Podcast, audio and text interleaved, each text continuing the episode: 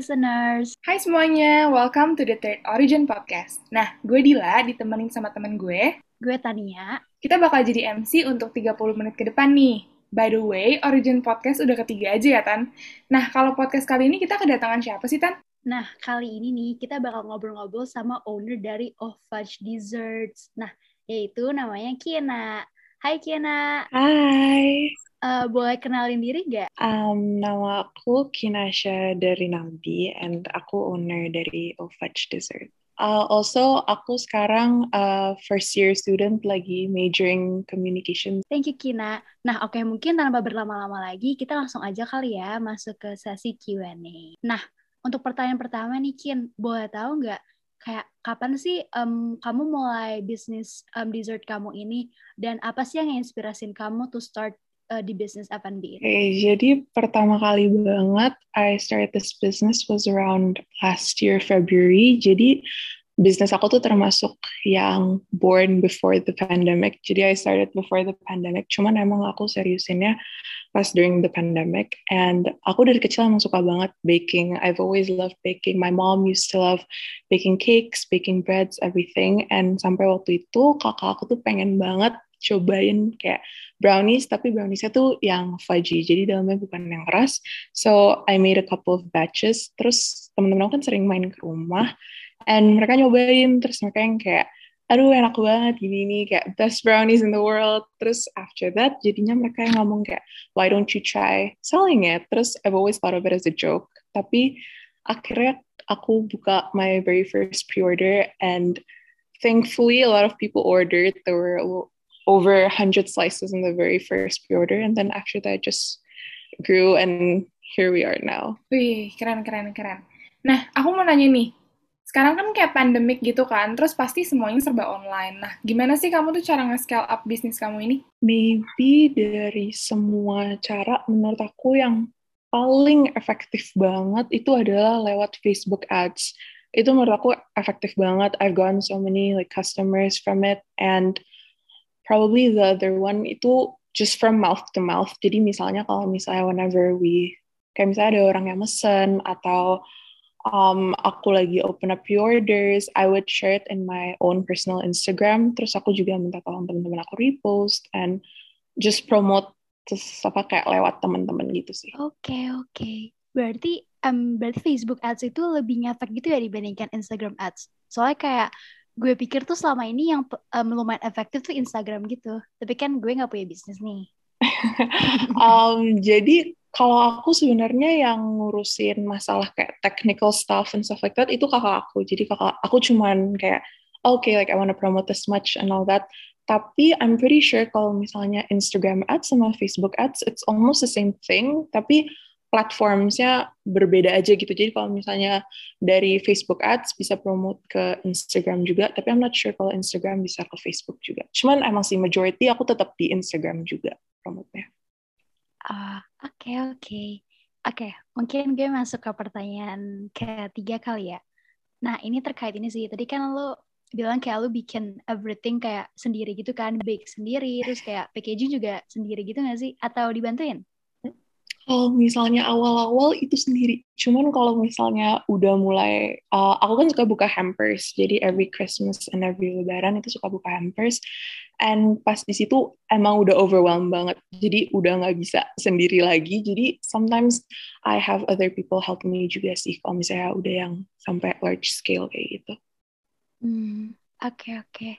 Ini sih, oke okay, aku mau nanya, kan kayak tadi kamu bilang kayak um, uh, agak overwhelmed gitu kan. Nah, um, susah gak sih kayak manage time-nya gitu? Kayak kan kamu juga kuliah atau kayak sekolah, terus kayak tapi juga harus kayak um, bikin bisnis di F&B-nya, harus bake, harus do this and that gitu. Susah nggak menurut kamu? I'm pretty sure kalau misalnya kayak gitu awalnya susah banget ya. Maksudnya cara aku bisa nge-handle everything. Tapi um, the thing that I feel like works the best for me itu aku harus ngatur banget time managementnya. Jadi procrastinating itu kayak a big no banget. Jadi selagi aku bisa ngerjain tugas, selagi aku ada waktu free time, aku bakal fokus ke sekolah. Jadi karena menurut aku mau gimana pun juga, school is the most important thing. I know that my business is also important, but I still prioritize my school over everything. And aku grateful banget karena aku punya online business sendiri, jadi aku bisa buka pre-ordernya menyesuaikan sama jadwal aku. Jadi kalau misalnya emang this week I'm super busy sama UTS atau emang tugasnya lagi banyak, aku bisa stop kayak misalnya minggu ini jangan buka pre-order dulu, mungkin minggu depan baru buka pre-order lagi. Jadi I'm very grateful sih bisa ngatur waktunya kayak gitu. Oke, okay, berarti cara kamu manage tuh yang penting jangan ditunda-tunda dan kalau misalnya emang lagi sibuk banget, yang ada tuh bisnis yang ngikutin um, schedule sekolah kamu gitu ya? Iya. Oke, okay, nah sekarang aku mau nanya nih soal goals. Nah, pasti kan setiap bisnis itu punya short term dan long term goalsnya sendiri-sendiri. Kalau Ovach itu kamu boleh jelasin nggak sih goals masing-masingnya gimana, short dan longnya? Mm, probably untuk short termnya adalah just to keep up with orders, karena emang kadang-kadang aku masih super overwhelmed banget, especially juga karena aku relatively masih baru, maksudnya before this I've never had any background in business, ataupun aku juga belum pernah anything business related lah. Jadi probably just keeping up with orders. Cuman memang long term I'd love kalau misalnya Ovach itu bisa bener-bener aku seriusin banget, maybe even open up my own bakery and all that. And in the past juga aku sebenarnya udah beberapa kali dapat offers untuk kerja sama di restoran atau kerja sama di cafe. Cuman probably kenapa aku belum sampai kayak belum deal gitu karena terms and conditionsnya belum ada yang bener-bener kayak serak banget sama aku and I don't wanna put into something yang gak 100%. Jadi even if I do want to open up my own bakery or whatever, I feel like it would be like independent or even kalau ya aku kerja sama-sama orang, aku bakal picky banget sih sampai aku benar-benar ketemu yang 100% on the same page as me. Okay. berarti kayak menurut kamu kalau kayak if you wanna collaborate with someone tuh kayak penting banget ya untuk bener-bener tahu orangnya kayak apa. Jadi kayak um, semuanya tetap ke maintain dengan baik gitu.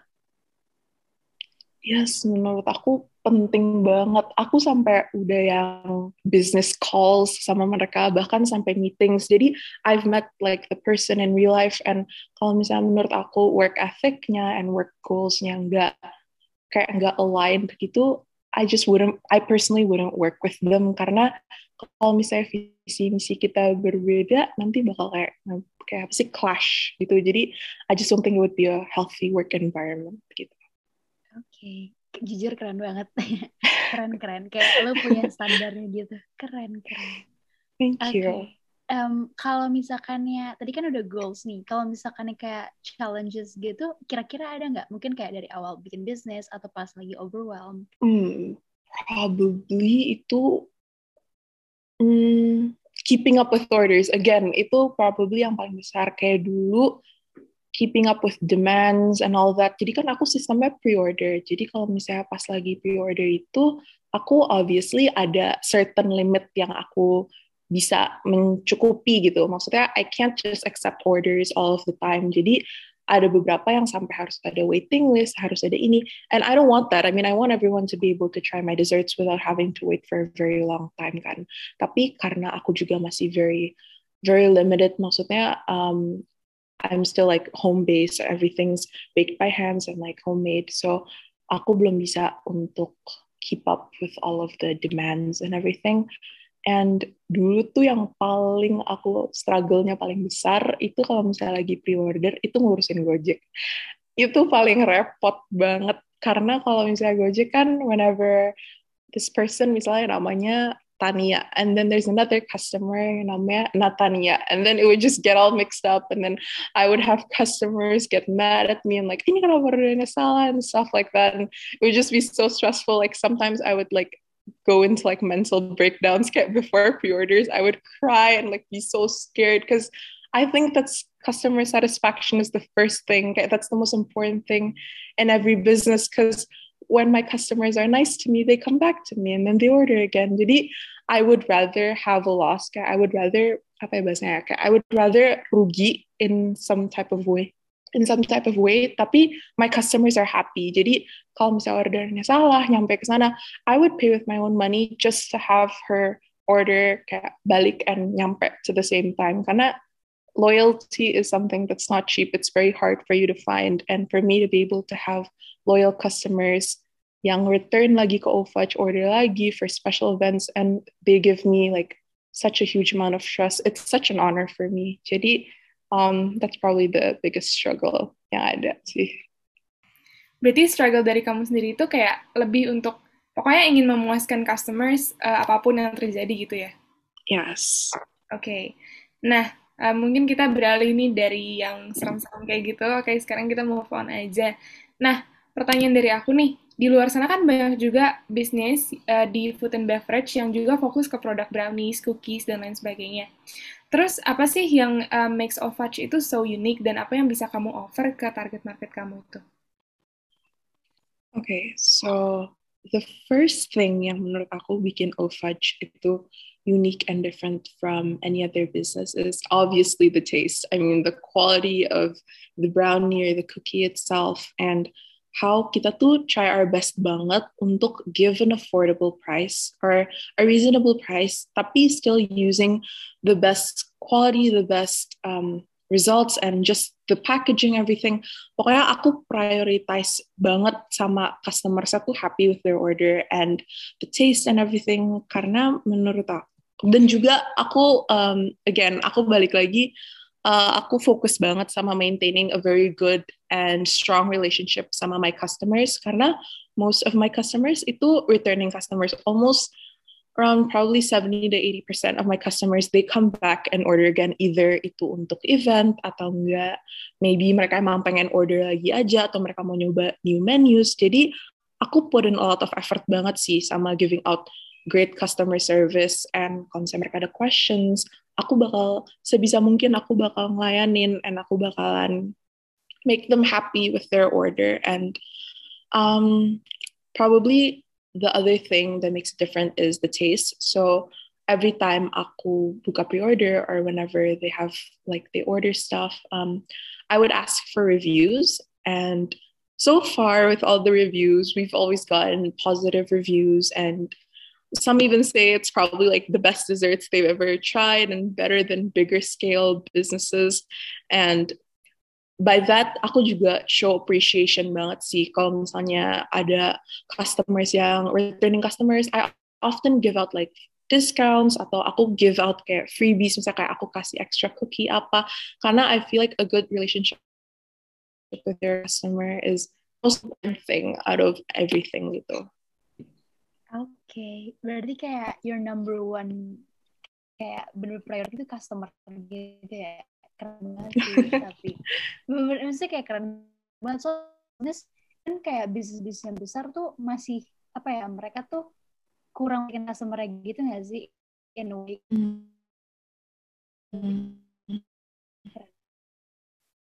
Bener-bener. Oke. Okay. Nah, kalau misalkan ini kan sekarang kayak makin ke sini kita suka ini gak sih? Tren-tren di bisnis sekarang tuh lebih kayak about sustainability gitu. Gimana sih cara mereka jadi um, lebih econ friendly dan lebih apa ya kayak keberlangsungannya lebih ada aja gitu.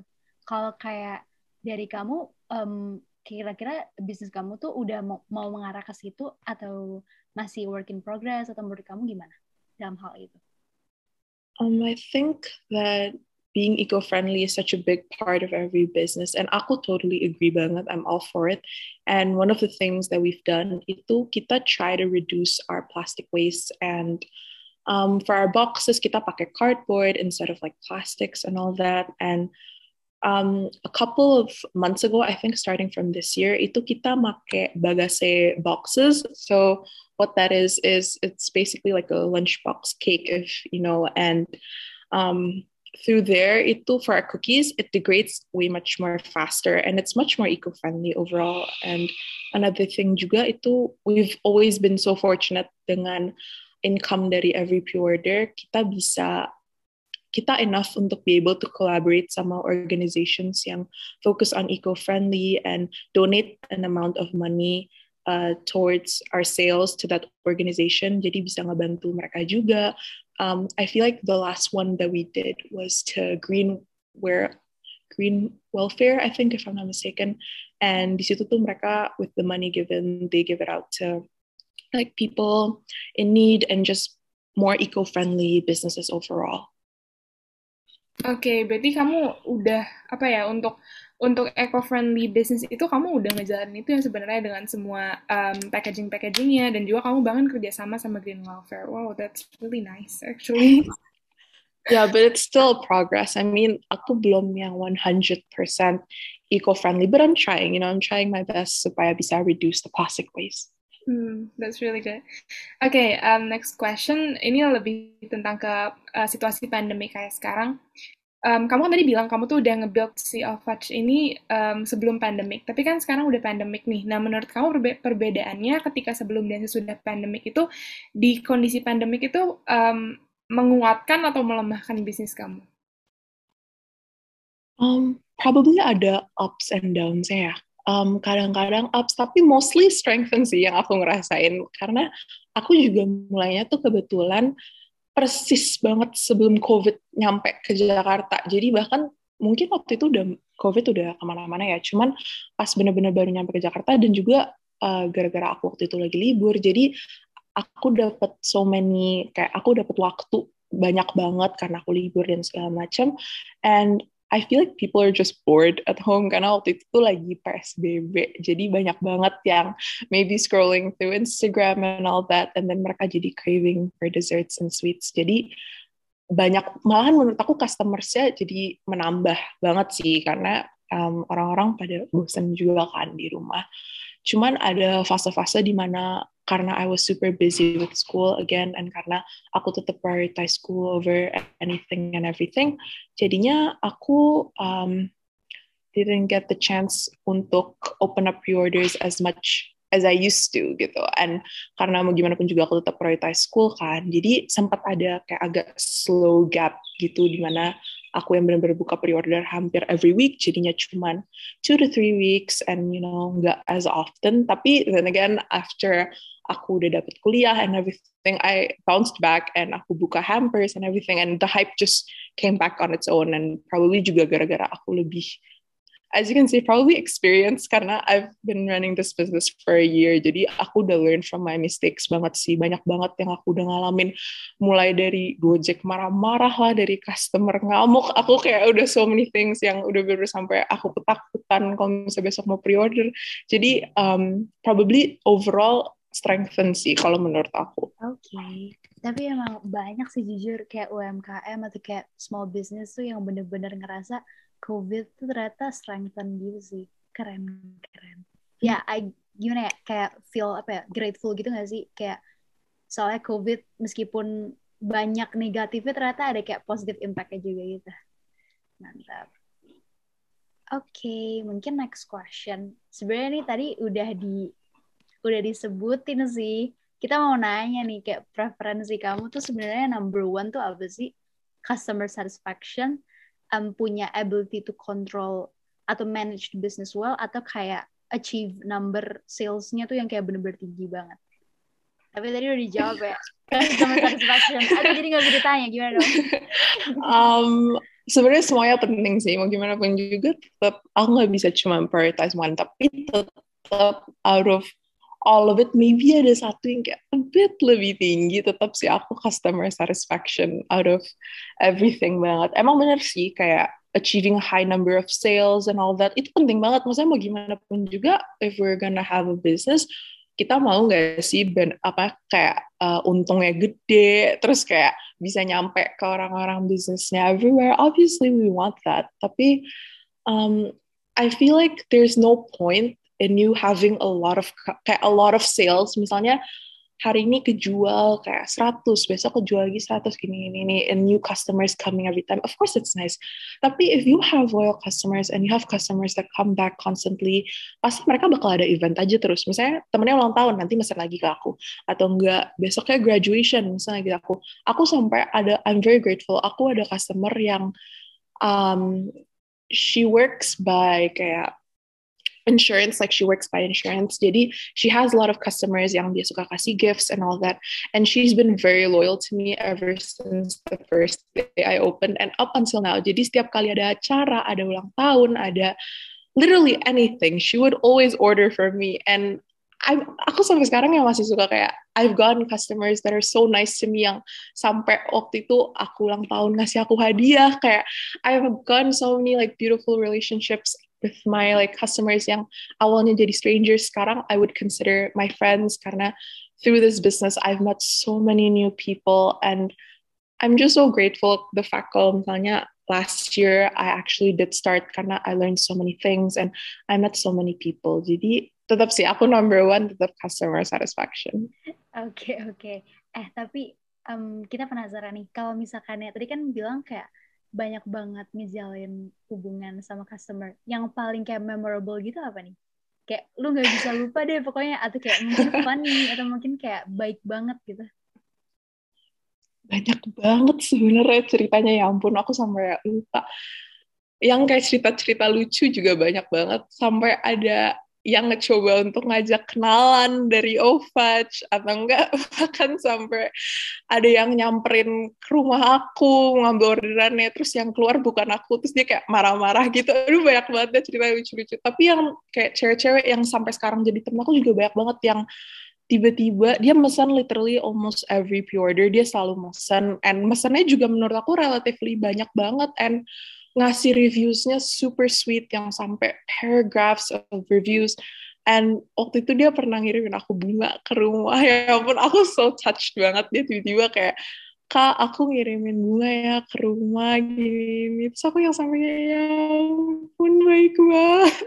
Kayak the fact kalau ada orang sebaik itu sampai ada customer aku lagi liburan? Terus dia inget ngasih aku oleh-oleh? Aku yang sampai kayak ya ampun baik banget. Kok bisa gitu loh? Sampai inget dia yang kayak ya aku juga in a way aku bisa misalnya kalau misalnya mereka mesen aku suka ngasih kayak free cookies atau aku kasih discount gini-gini. Tapi aku juga nggak expect anything in return. Maksudnya aku do that just because they're just nice to me. And pokoknya there's so many nice people and I'm super grateful for all, all my customers.